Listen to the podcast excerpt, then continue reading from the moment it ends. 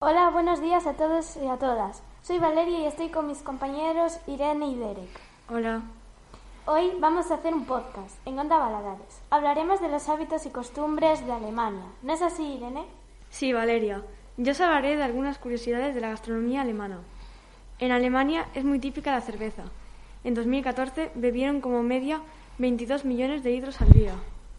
Existen 5.000 marcas y casi 1.300 fábricas de cerveza. Además, en Alemania el 43% de los alemanes comen fuera del domicilio, el 30% consumen mucha carne, el 72% comen diariamente frutas y hortalizas y un 43% cocinan a diario, 38% dos tres veces por semana y un 6% una vez a la semana. Exacto, Derek. Asimismo, es interesante comentar algunas de sus costumbres, como que están locos por el agua con gas, ya que el agua del grifo es malísima.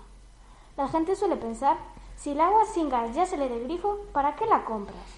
Y es que en este país comprar agua sin, mal, sin gas casi está mal visto. Además, la puntualidad es una, es, una cualidad casi obligatoria, pues los alemanes son súper puntuales y si llegas cinco, cinco minutos tarde, caras largas te vas a encontrar, porque los retrasos son vistos como falta de respeto y puede incluso poner en riesgo una amistad.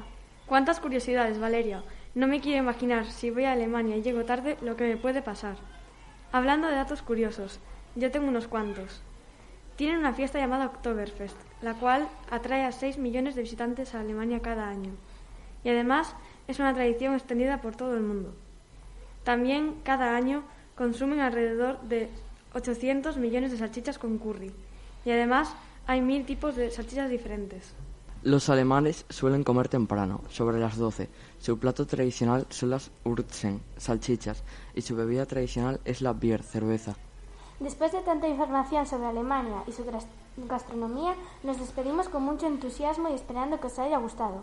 Un saludo desde Onda Baladares.